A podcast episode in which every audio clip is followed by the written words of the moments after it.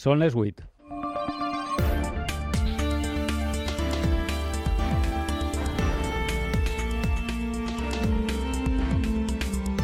A punt. Les notícies de la nit.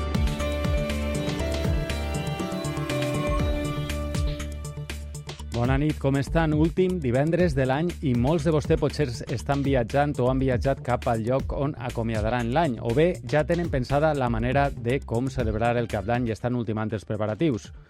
Quan falten poc més de 24 hores per a dir adeu al 2022, les perspectives de bars, restaurants i hotels són molt bones. Viurem el primer cap d'any sense restriccions en dos anys i això es nota. L'efecte cap d'any i la coincidència amb el cap de setmana ha fet que l'ocupació a la comunitat valenciana arribi a nivells de temporada alta. A pasar, ¿cómo es la noche vieja? Eh, con un tío que se vino a vivir acá y que no lo vemos hace ocho años. Mira, porque queríamos pasar el fin de año fuera. Yo vine a Valencia hace muy poco, me encantó, encontré que era una ciudad preciosa y decidimos venir a pasar el fin de año. I el sector celebra la tornada de l'alegria. Federico Fuster, president d'Osbec. Esta setmana probablement acabem de plenar el cartell de ple perquè pensem que anem a plenar i, i bueno, ara sí, ara sí es nota que n'hi ha, que n'hi ha algo d'alegria, no? La Generalitat ha autoritzat la celebració de 55 festes de cap d'any a la comunitat valenciana. La província de València s'emporta el major nombre d'aquestes festes, 25. A Castelló se'n celebraran 17 i 13 a Alacant. Una de les més multi multitudinàries de ben segur serà la de la plaça de l'Ajuntament del Cap i Casal.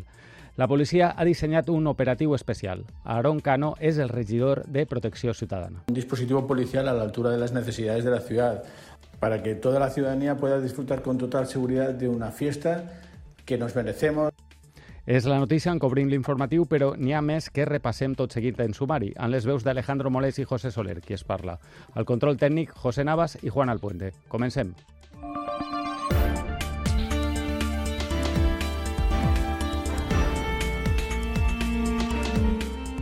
La lluita contra la inflació, la gran prioritat del Consell per al 2023. En el seu missatge de cap d'any, Ximo Puig ha reivindicat les mesures del seu govern per a pal·liar els efectes dels preus en la ciutadania. L'oposició fa balanç i diu que el Consell no té iniciativa i està pendent de lluites internes. Escoltem primer el president de la Generalitat i després el líder de l'oposició, el popular Carlos Mazón. A la comunitat valenciana les famílies estalviaran un 10% de totes les taxes. No es cobrarà el cànon de sanejament de l'aigua fins al juliol i el transport públic serà gratuït per als joves fins a agost amb un descompte del 50% per a la resta d'usuaris.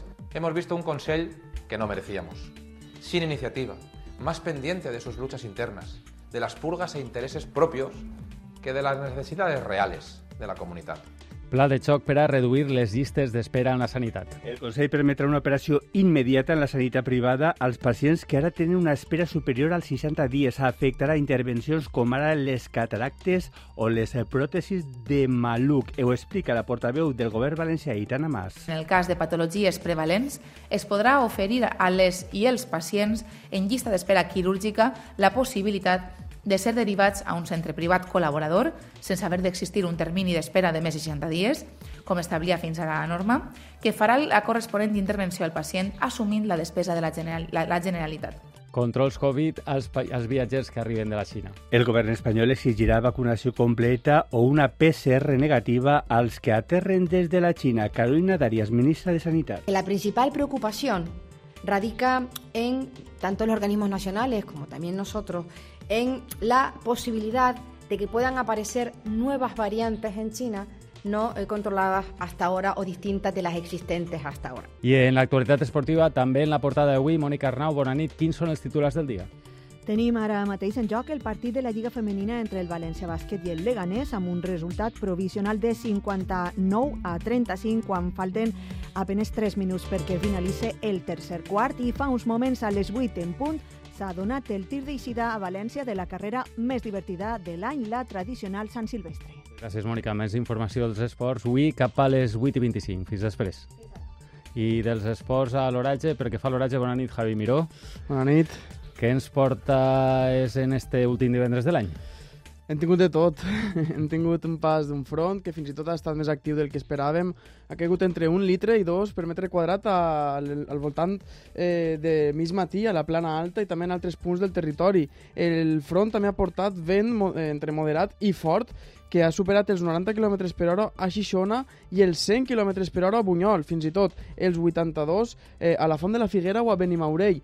I el vent de ponent el que ens ha portat ha sigut temperatures màximes disparadíssimes, sobretot en punts del litoral de la meitat sud del territori. 24 graus s'han registrat, per exemple, a Oliva, a la Vila Joiosa, a Oriola o a Alacant. A l'interior este vent de ponent no arriba tan rescalfat i les temperatures s'han quedat al voltant dels 14 graus de màxima a Requena o els 18 a Cirat o a Villena. I pel que fa al cap de setmana, com li direm adeu a este 2022?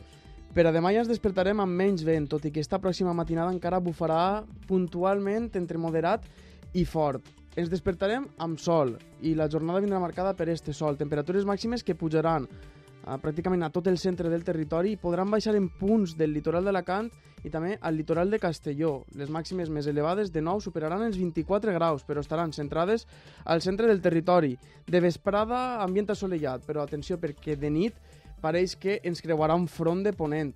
Ens deixarà quatre núvols alts, que no, no tindran més transcendència, sí que podrà animar una miqueta el vent de ponent, però molt poca cosa de matinada, i temperatures a les 12 de la nit al voltant 6 graus a Morella, 9 graus a Castelló, uns 10 graus a Cirat, 12 graus a València, 10 graus a Xàtiva, 5 a Villena, 8 a Requena, 4 de Mus o 14 a Alacant. Doncs moltes gràcies, Javi, que tingues una molt bona entrada d'any. Igualment. Adeu.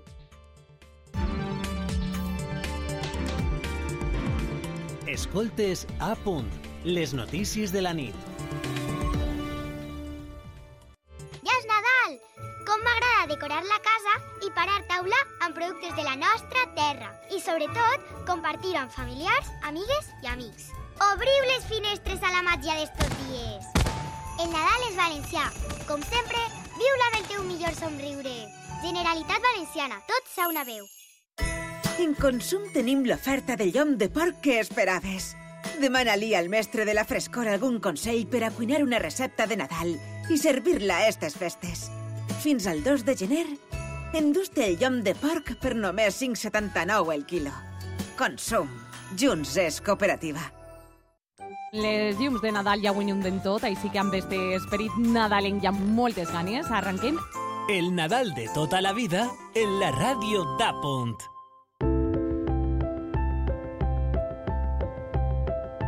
Escoltes a punt. Les notícies de la nit. I quan són les 8 i 8 minuts de la nit, entrem de ple ja en matèria informativa i ho fem mirant a les carreteres perquè esta vesprada ha començat la segona fase de l'operació especial de trànsit amb motiu del cap d'any. S'esperen més de 400.000 desplaçaments al llarg d'este cap de setmana a les nostres carreteres. I en aquests moments, segons han informat a la ràdio de Punt Fons de la DGT, la normalitat és la tònica general a les principals vies de la comunitat valenciana. I tot, amb tot este moviment de vehicles mirem ara les gasolineres perquè quan falten poc més de 24 hores perquè s'acabe la bonificació dels 20 cèntims, l'afluència de vehicles no para de créixer. Així és, no paren d'arribar i els seus conductors ho fan amb l'expressió que més s'escolta. Ple, per favor. Anem a veure si se ahorrem un poquet. Quitan el descuento y hay que aprovechar a llenar el, el depósito. Ahora van a quitar los 20 céntimos, pues hay que apro- aprovechar ya. Encara així me va a costar 80 euros, però bueno, jo crec que he aprofitat. Hemos aprovechado el descuento dado que finaliza y hemos llenado el depósito. Per cert que el ple del Consell ha aprovat que a partir d'ara caldrà mantindre una separació com a mínim de 500 metres sense les galo- entre les gasolineres i les zones residencials, educatives i sanitàries, entre d'altres. I precisament el preu dels carburants, que no para de baixar des de fa setmanes, ha contribuït en part a una nova caiguda de l'IPC que hem conegut este matí fins a situar al desembre la taxa interanual en el 5,8%, és a dir, un punt menys que el mes passat. Recordem que la taxa més alta de l'IPC es va registrar al juliol amb un 10,8%. Ara, i si finalment es confirma la dada oferida avui per l'Institut Nacional d'Estadística, la inflació estaria pràcticament a la meitat. En la cara B tenim les hipoteques que continuen encarint-se. De fet, l'Euribor tanca desembre per damunt del 3% i això no passava des de feia 14 anys. I la nit de cap d'any, que serà d'ací a només 24 hores, portarà els hotels de la Comunitat Valenciana a valors més propis de plena temporada alta turística. Juanjo García. Sí, unes xifres que noten els hostalers on l'ocupació ja arriba al 95%. Escoltem a Mònica Peris, directora comercial de l'hotel Only You, i a Verònica Sanz, jefa de recepció de l'hotel Neptuno.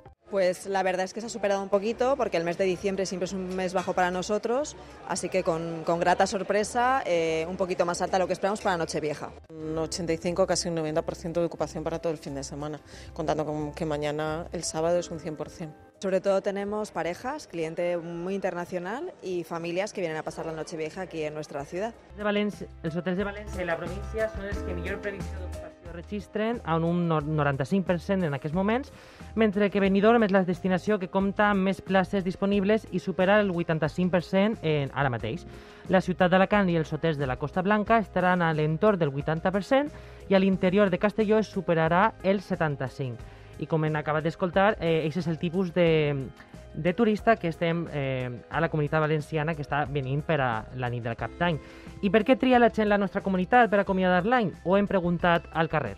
Yo vine a Valencia hace muy poco, me encantó, encontré que era una ciudad preciosa y decidimos venir a pasar el fin de año. Y hemos venido aquí a pasar la noche vieja con la familia. a pasar, ¿cómo es? La noche vieja, eh, con un tío que se vino a vivir acá y que no lo vemos hace ocho años.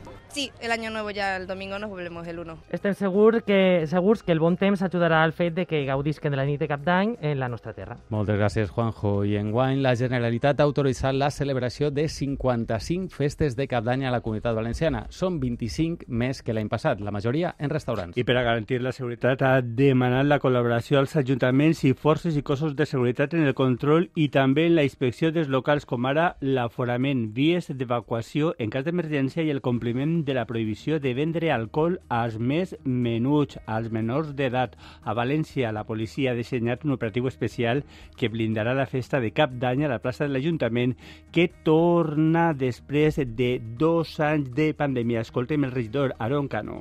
Un dispositivo policial a la altura de las necesidades de la ciudad, para que toda la ciudadanía pueda disfrutar con total seguridad de una fiesta que nos merecemos. L'Organització de Consumidors i Usuaris recorda que es pot reclamar contra els problemes amb les macrofestes i cotillons de la nit de cap d'any. L'OCU assegura que si hi ha incompliment de les condicions contractades o falta de seguretat, els perjudicats poden reclamar al Ministeri de Consum i fins i tot acudir a la policia. I què seria d'una inoblidable nit de cap d'any sense bona música i un DJ que faça una molt bona selecció? El problema és que enguany falten professionals del sector i molts hauran de recórrer a les playlists on estiguen incloses les melodies de l'any que està a punt d'acabar. Paco Morrió. Així és, José. Es busca DJ desesperadament. La nova normalitat enguany ha dut a una nova realitat, tal i com ho explica Tania Bayo, DJ i filla de Chimo Bayo. La pandemia ha sido como un renacer, un renacimiento totalmente. Tan gran que molts locals s'han quedat sense DJ i la demanda ha superat l'oferta. És per això que es cotitza un bon professional que posa música una nit com la de cap d'any. Davant la falta de bons punxadors de discos, molts optaran demà per la recorreguda playlist, el llistat de cançons de tota la vida que per a Tania Bayo no és el més encertat. Por ejemplo, yo por, eh, por mi parte, yo no haría una playlist para nadie porque soy muy exclusiva y tengo mis temas clave para mis sesiones. Borja Palacio de Palau Alameda de Valencia a Fitch. Si hay algo que está funcionando, lo mantienes. Si algo que de repente ves que no están bailando, cambias. Claro, es muy difícil es que eso lo consiga una playlist, entonces me parece un poco, un poco difícil, ¿no? A poc més de 24 hores per acabar el 2022 amb DJ o sense ell, l'únic que tenim clar és que melodia no podrà faltar en una nit tan especial. Hem eixit al carrer i hem arreplegat les peticions. Quédate, que la noche sin ti duele. You can dance, you can dance, having the time of your life. Quiero ser campeón mundial. A punt. Les notícies de la nit.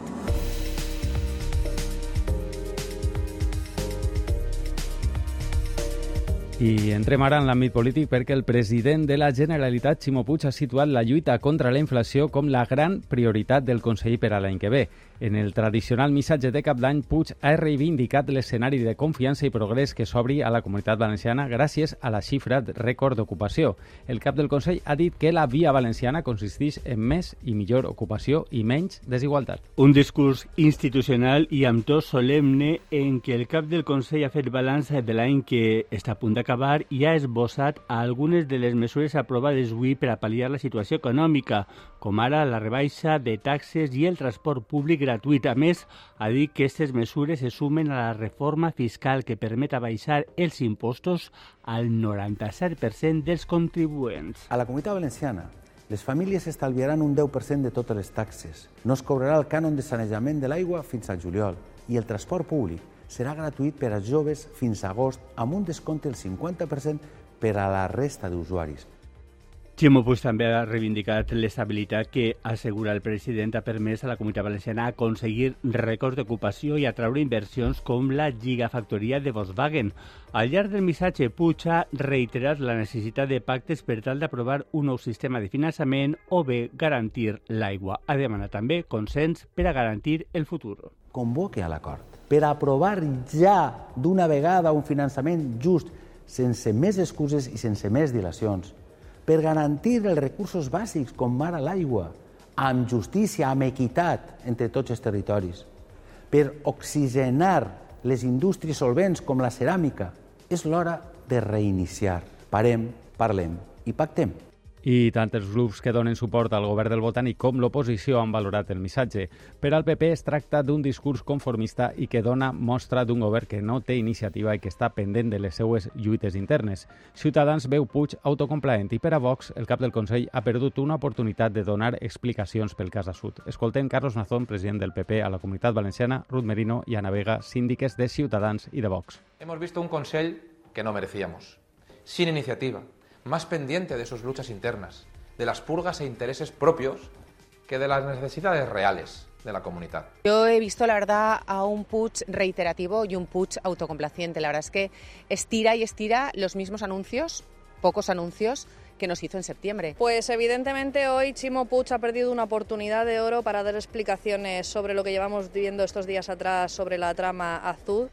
Valoracions diferents per part dels partits que donen suport al Consell. Els socialistes posen l'accent en l'estabilitat del Consell. Ana Barceló és la síndica del PSPB a les Corts. Este es un gobierno estable que ha logrado aprobar además ocho presupuestos, dos legislaturas dando estabilidad a esta comunidad y transformándola. Compromís coincidís en l'estabilitat, però troba a faltar més contundència en reivindicacions històriques com el finançament. Escoltem Joan Baldoví. Celebrem la estabilitat d'este govern. Trobem a faltar, això sí, que el president no siga més contundent amb eh, les reclamacions històriques dels valencians. Per la seva part, el vicepresident segon del Consell, Héctor Illueca, d'Unides Podem, diu que el govern ha fet coses bé, però que les pot fer encara millor, amb més valentia. Altres coses es poden fer millor i jo estic convençut de que les anem a fer millor i que, sobretot a partir de maig, en un nou govern més valent i amb una altra correlació de forces seran encara millor. I el ple del Consell també ha aprovat avui noves mesures en matèria sanitària. Els pacients no hauran d'esperar 60 dies per a demanar el trasllat d'una cirurgia en la sanitat privada. El Consell modifica, per tant, el decret que obri la possibilitat de triar qualsevol centre col·laborador de la sanitat pública per a frenar la demora quirúrgica i es faran intervencions també de desprada.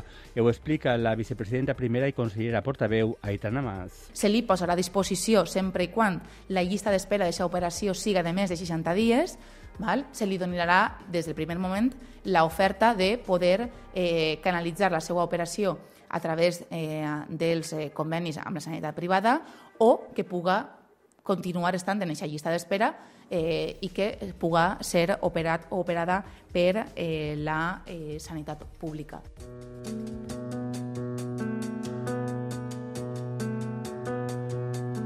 13 dones assassinades en 28 dies per les parelles o exparelles i 10 ja confirmades com a oficialment víctimes de violència masclista, 5 dels casos comesos en només 72 hores. El degoteig constant de crims masclistes ha alçat totes les alarmes. El Ministeri de l'Interior ha anunciat dos mesures d'urgència, més vigilància policial i avisar les dones si la parella és agressor reincident en violència de gènere. Encara no està clar si l'avís li el faran a qualsevol dona amb un company sentimental amb antecedents o només quan una dona presente una denúncia contra una parella que siga reincident. El dubte radica en la protecció de dades. Ximo Boig és magistrat. Això té complicacions perquè pot eh, vulnerar drets fonamentals com el dret a, a la intimitat, eh, pot vulnerar el dret a la reinserció social. A més, les veus expertes situen les ordres de protecció de les víctimes com a fonamentals i reclamen que es puguen fer complir. Estefania Navarrete, cap del grup Gamma, i Susana Gisbert, fiscal. Hay que mejorar los mecanismos de coordinación desde el primer momento, desde la denuncia, porque una cosa es que la mujer haya denunciado y otra cosa que tenga orden de protección. Totes les maltratades que han denunciat i que tenen una mesura tenen un policia que, que, que seguís la seva, la seva història. Però si a un policia li corresponen en comptes de 50, eh, 4, el farà amb, amb molt més cura I el jutjat de violència sobre la dona de Benidorm ha acordat la llibertat provisional per al jove de 22 anys detingut ahir després de la mort de la seva parella, que es va precipitar al buit des d'un sisè pis. Fons del Tribunal Superior de Justícia han indicat que la investigació apunta a una caiguda accidental i fortuïta. No obstant això, el jutge manté una causa ober- oberta per un delicte d'homicidi i té la intenció de practicar totes les diligències necessàries per tal d'aclarir els fets. Montserrat Angulo és l'abogada del detingut. Ha quedado en libertad, en principio ha declarado en fiscalía, o sea, ha declarado en la comisaría, ha declarado aquí en el juzgado y en principio lo que se presupone es que ha sido un accidente. No se ha tomado ni una sola medida, ni siquiera presentaciones quincenales, absolutamente nada. Mentrestant, a Toledo, la justícia ha enviat a la presó l'home de 52 anys acusat de matar la seva exparella sentimental que es trobava a punt de donar a llum en el moment del crim. Tenia 34 anys i només li quedava una setmana per a parir. A més, deixa orfes de mare a dos fills menors d'edat. Les notícies de la nit.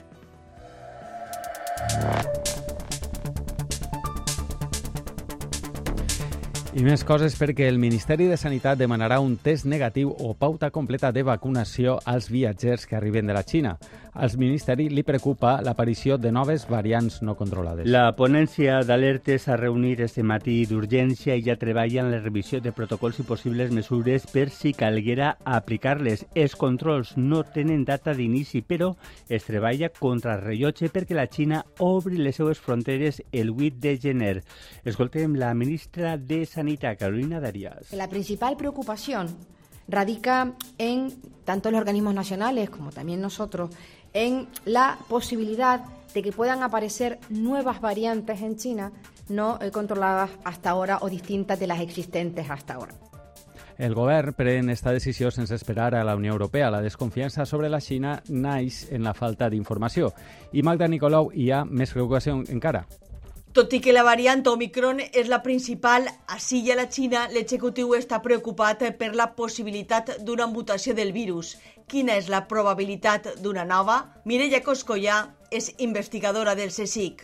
Es poco probable, podría suceder, pero no necesariamente solo de China, podría venir de cualquier sitio. I serà efectiu controlar l'entrada només dels passatgers d'este país? Por la experiencia que tenemos hasta ahora, que cerrar los vuelos de un país durante una temporada no tiene un efecto sobre las variantes que acaban llegando. Como mucho podría retrasar algo. 2022 acaba Espanya amb la pandèmia a la baixa i una ocupació hospitalària estable. El missatge, diu Coscollà, es de tranquilitat. Veo muy poco probable que en los próximos meses estu- estemos en una situación eh, como la de China. En este escenari, la ministra d'Àrias continua animant a la vacunació. Porque estamos hablando de vacunas adaptadas a variantes. El 73% dels majors de 80 anys ja tenen la segona dosi de record, xifra que baixa al 68% a la comunitat valenciana. Entre els majors de 60, apenes supera el 40%. I de l'exterior els contem que l'hispano-ucraïnès Vitali Suárez, de 34 anys, ja es troba a Santa Pola, a casa dels pares. Quan la guerra esclatà, Vitali, de 34 anys, la dona i la filla xicoteta continua vivint a Gerson i començar a distribuir ajuda bàsica entre les famílies. Menchuyan ha seguit la seva història. Quan el febrer passat Rússia envaís Ucraïna, Vitali Suárez es converteix en un cronista de primera mà. Buenos días, pues aquí podremos ver ya se empieza la cola para gasolinera. Fill de mare ucraïnesa i pare espanyol, vivia a Gerson amb la dona i la filla.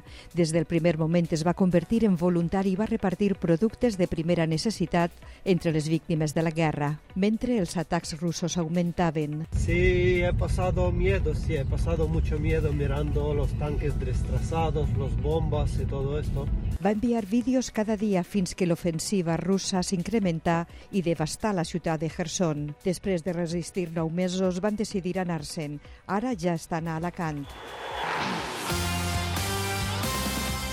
Els esports en A punt. Les notícies de la nit. I comencem el bloc d'esports. Mònica Arnau, bona nit de nou. Ho fem amb un resultat en directe. Sí, perquè en estos moments hi ha partit de la Lliga Femenina de Bàsquet a la Fonteta. El València Bàsquet està jugant contra el Leganés amb un resultat provisional de 78 a 45 a falta de 3 minuts perquè acabe el partit. Canviem de localització, ens traslladem ara als carrers del centre de València perquè a les 8 de la vesprada ha començat la tradicional Sant Silvestre, una cita festiva amb un recorregut de 5 quilòmetres en què els participants any rere any s'esforcen per portar la disfressa més original. La nostra companya Laura Grau Berlanga està seguint esta carrera.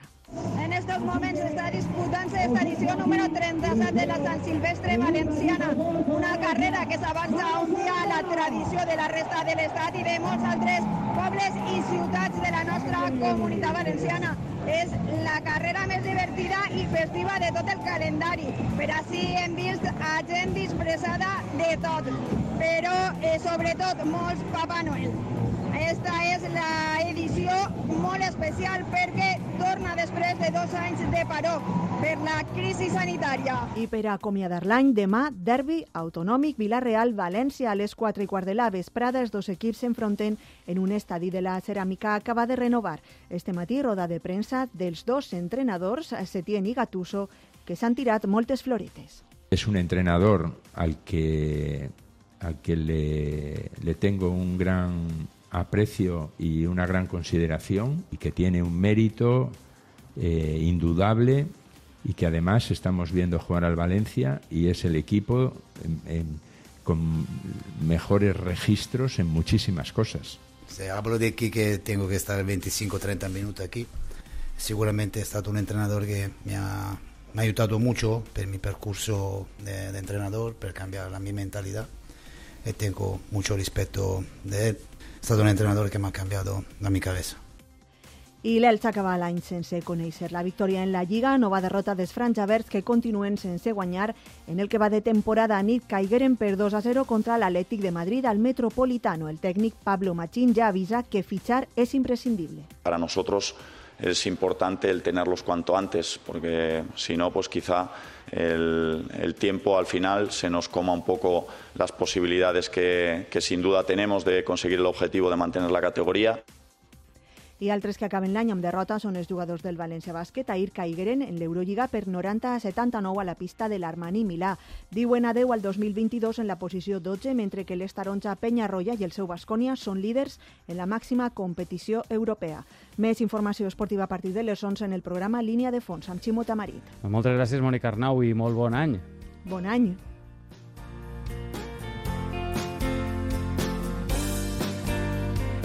I diem adeu en la cançó Nit de cap d'any de la cantautora d'Alcoi, Paula Ceserino. Moltes gràcies, molt bona nit i moltes gràcies per estar a l'altra banda. Que tinguen una molt bona entrada en el nou any 2023. que no acaben mai els bons moments, viure sempre en el teu present. Imagina que el somriure que ara tens dibuixat no s'esborrarà mai. Agafa tot l'imprescindible que esta nit anem a ballar celebrant els dies que vindran i potser guanyarem la batalla del temps.